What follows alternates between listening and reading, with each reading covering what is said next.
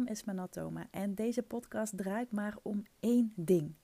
Hoe word jij online opgemerkt met jouw kennis en expertise? Zonder trucjes en poespas, maar door gebruik te maken van het meest simpele en krachtige wapen wat er maar bestaat: positionering en personal branding. Hey you, welkom terug bij uh, een uh, kakelverse aflevering van mijn podcast. En vandaag wil ik iets met je delen, want ik kreeg namelijk via de post gisteren een cadeautje. Een cadeau van uh, een klant van mij, een hele dierbare klant.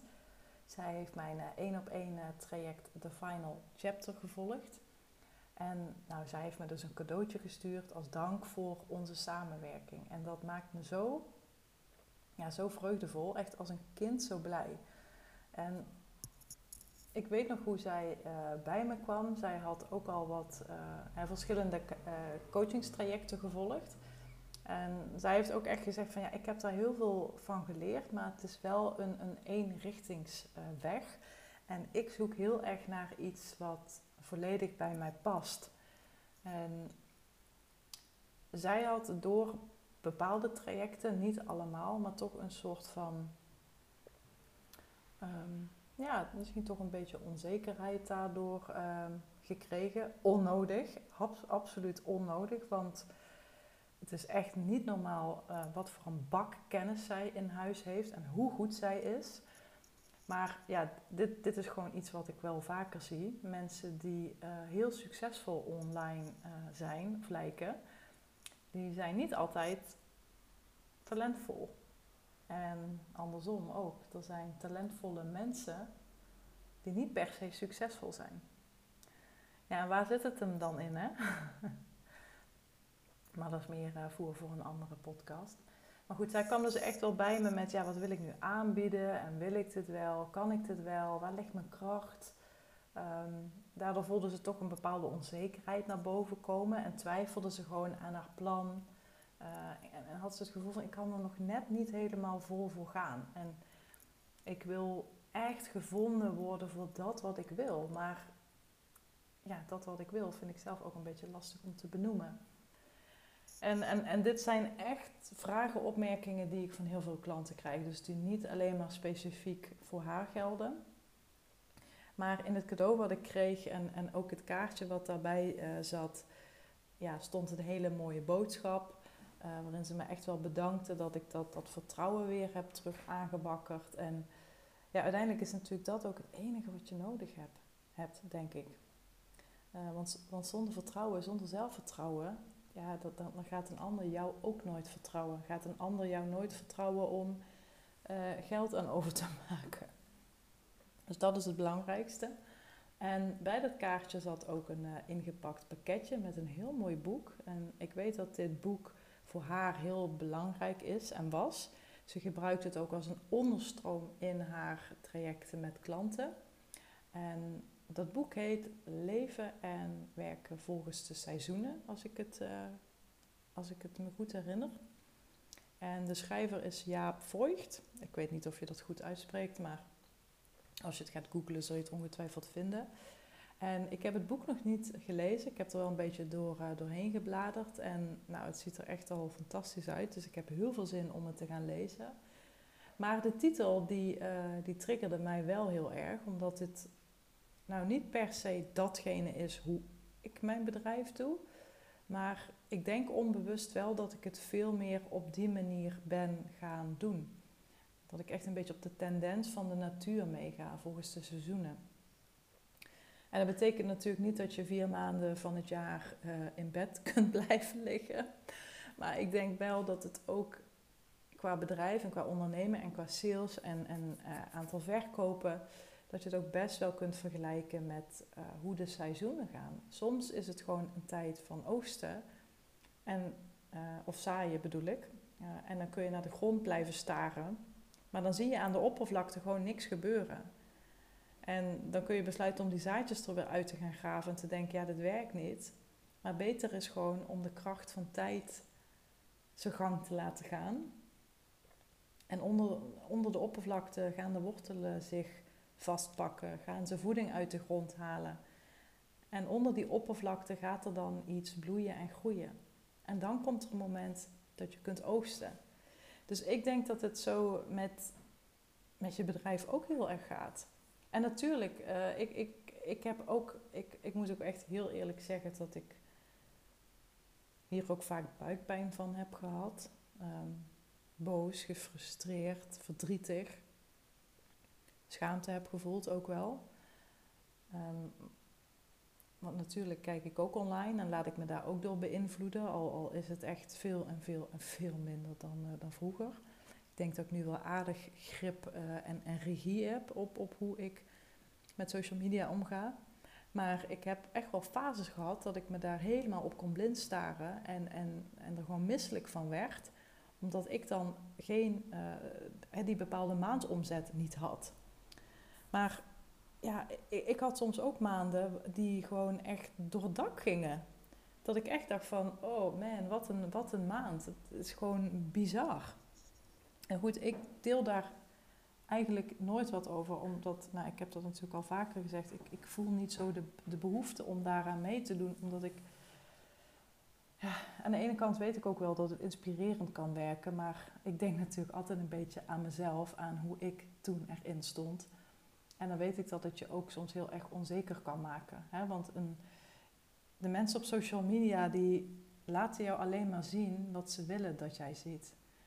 dus als zij een eh, omzetmaand hebben van 30k, dat is natuurlijk fantastisch. Maar het kan ook goed zijn dat ze daarna twee maanden niks hebben. dus, maar dat, dat hoor je dan niet. En, en daar wil ik dus gewoon liever niet aan meedoen. En natuurlijk heb je ook mensen die het gewoon iedere maand omzetten. Hè? Ik bedoel, die zijn er ook ongetwijfeld. Maar ik denk dat, dat, dat die categorie wel iets kleiner is. En je hebt ook niet gezien wat hun er allemaal voor moeten doen en nog steeds voor doen. En misschien ook wel heel veel voor laten. Uh, dus ik zeg niet dat het niet mogelijk is, maar dan nog denk ik dat ook zij momenten kennen van droogte en momenten kennen van um, plukken en uh, oogsten. En um, nou, ik kon me daar zelf dus in alle eerlijkheid heel erg, uh, ja, ik, dat kon mij heel erg dwars zitten. Dat ik dan bepaalde omzetmaanden niet bereikte of niet behaalde. En ook al had ik dan een maand van tevoren echt een bizar hoge omzet, dan nog was ik daar opeens niet meer blij mee. En ik schaam me gewoon bijna om het te zeggen. Uh, maar dan was ik daar gewoon bijna niet blij mee. Terwijl ik nu achteraf ook denk, ja, ik, ik, ik heb soms wel eens in drie maanden gewoon verdiend wat ik voorheen bij een baas verdiende. En daar stond ik dan niet bij stil. Ik ging er dan bij stilstaan dat ik nou ja, twee maanden weer niks had. En dit is denk ik ook hoe het verband houdt met die seizoenen. Dat als je er zo naar kunt kijken, dat, dat hè, net als eb en vloed, dat je er wat meer berusting in gaat vinden. En um, nou, bij mij kwam dat inzicht op een gegeven moment ook wel door uh, Rick, een vriend. Die uh, nou, heeft niet zo heel veel op met social media. Uh, en al helemaal niet dat online ondernemersbubbeltje waar, ja, waar ik toch wel veel van meekrijg. En die zegt dan ook van, ja, maar waarom sta je zo blind op, op die maanden? Kijk gewoon naar je groei, naar je netto winst per jaar. En is die beter ten opzichte van vorig jaar? En al is het dan maar 1%, 1% is toch een heel mooi bedrag. Ah, en toen dacht ik, oh ja, waarom maak ik er zo'n issue van? En um, nou, ik, ik, ik, wilde dit gewoon even met je ventileren, omdat ik gewoon zeker weet dat heel veel mensen dit uh, hebben. Heel veel mensen dit ervaren. En de andere zijde is ook dat ik best wel wat uh, namen inmiddels in mijn uh, portefeuille heb, mijn klantenbestand. ook sommige namen die ik, um, ja, zeg maar waar ik een geheimhoudingsverklaring voor heb. Dus die um, ja, die, die, die willen gewoon liever niet dat ik daarmee naar buiten treed. Die, um, ja, die willen me liever voor zichzelf houden. Nou, dat klinkt, een beetje fout hoe ik het nu zeg, maar uh, je snapt denk ik wel wat ik bedoel. Sommige klanten willen dat gewoon en, en, en dat is helemaal oké. Ehm, die, die veiligheid uh, wil ik ook waarborgen. Dus ik zal nooit namen noemen. Ik zal er ook niet. Hè, ik zal ze ook nooit online benoemen. Maar dan zie ik natuurlijk ook wel de achterkant. En dan krijg ik natuurlijk wel ook een kijkje in de keuken. En dan krijg ik soms echt oprecht een ander beeld dan het beeld wat ik online had gecreëerd en opgebouwd. En daardoor kan ik ook gewoon nu zeggen: online is niet altijd alles wat het lijkt. En dan heb ik echt al genoeg gezegd. En iets wat ik wel eens eerder heb gedeeld is. Ehm, er zijn succesvolle mensen die niet per se talentvol zijn. En er zijn ook talentvolle mensen die niet per se succesvol zijn. En dat is natuurlijk wel een hele interessante weer voor een volgende podcast, maar die wil ik je wel even delen om, om even over na te laten denken. Ja, want dat, dat iemand succesvol is of lijkt, hè, laat ik het zo even zeggen online, dat, dat heeft niet altijd iets te maken met hun talenten of met hun skills of met hun competenties. Dat heeft vaak ook gewoon heel erg te maken met hoe zichtbaar ze durven te zijn. Dat ze gewoon durven gaan staan uh, voor wat ze te bieden hebben. En daar rotsvast in geloven en dat zelfvertrouwen hebben. En dat zelfvertrouwen kunnen ze ook natuurlijk overdragen op mensen die van hun kopen. En hier bedoel ik niet mee te zeggen dat het, dat het prutsers zijn of, of, of dat ze gewoon uh, rommel verkopen. Hè. Dat hoor je me niet zeggen. Alleen, ik, ik weet gewoon ook dat er mensen zijn op, op, op specifieke vakgebieden die, nou, die gewoon beter zijn, die beter onderlegd zijn, die verdiepende studies hebben gehad, die meer uh, meters hebben gemaakt in het vak en die gewoon, als je ze daarop zou beoordelen, gewoon beter zijn.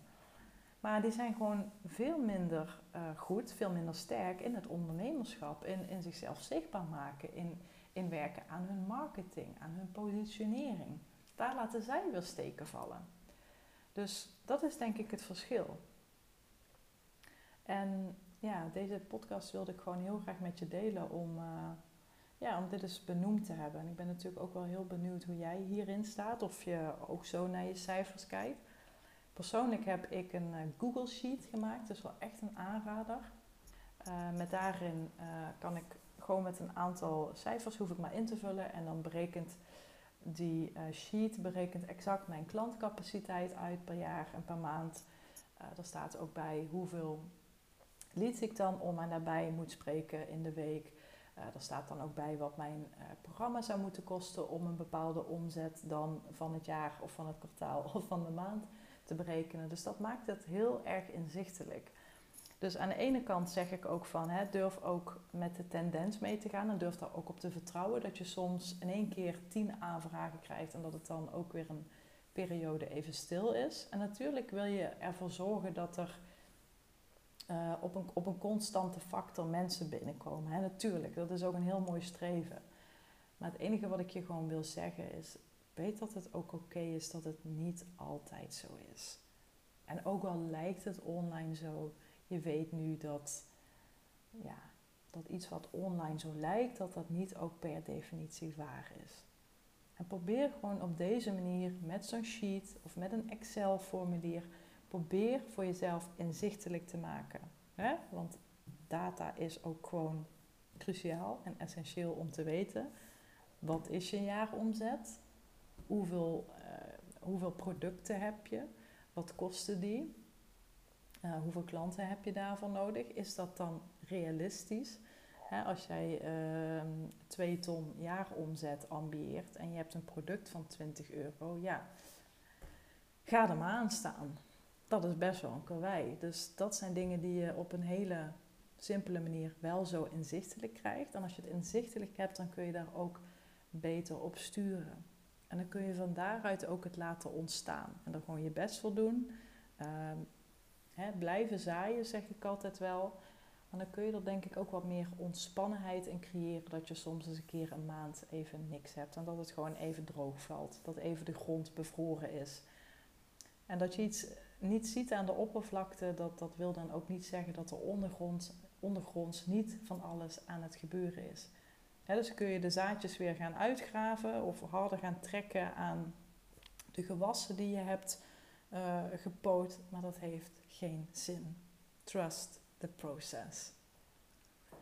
Nou, ik ben uh, benieuwd naar je reactie. Stuur mij een uh, berichtje op Instagram als je dat leuk vindt. En uh, vergeet ook zeker niet even de podcast een review te geven. Je helpt mij daar echt enorm mee. Je hebt geen idee.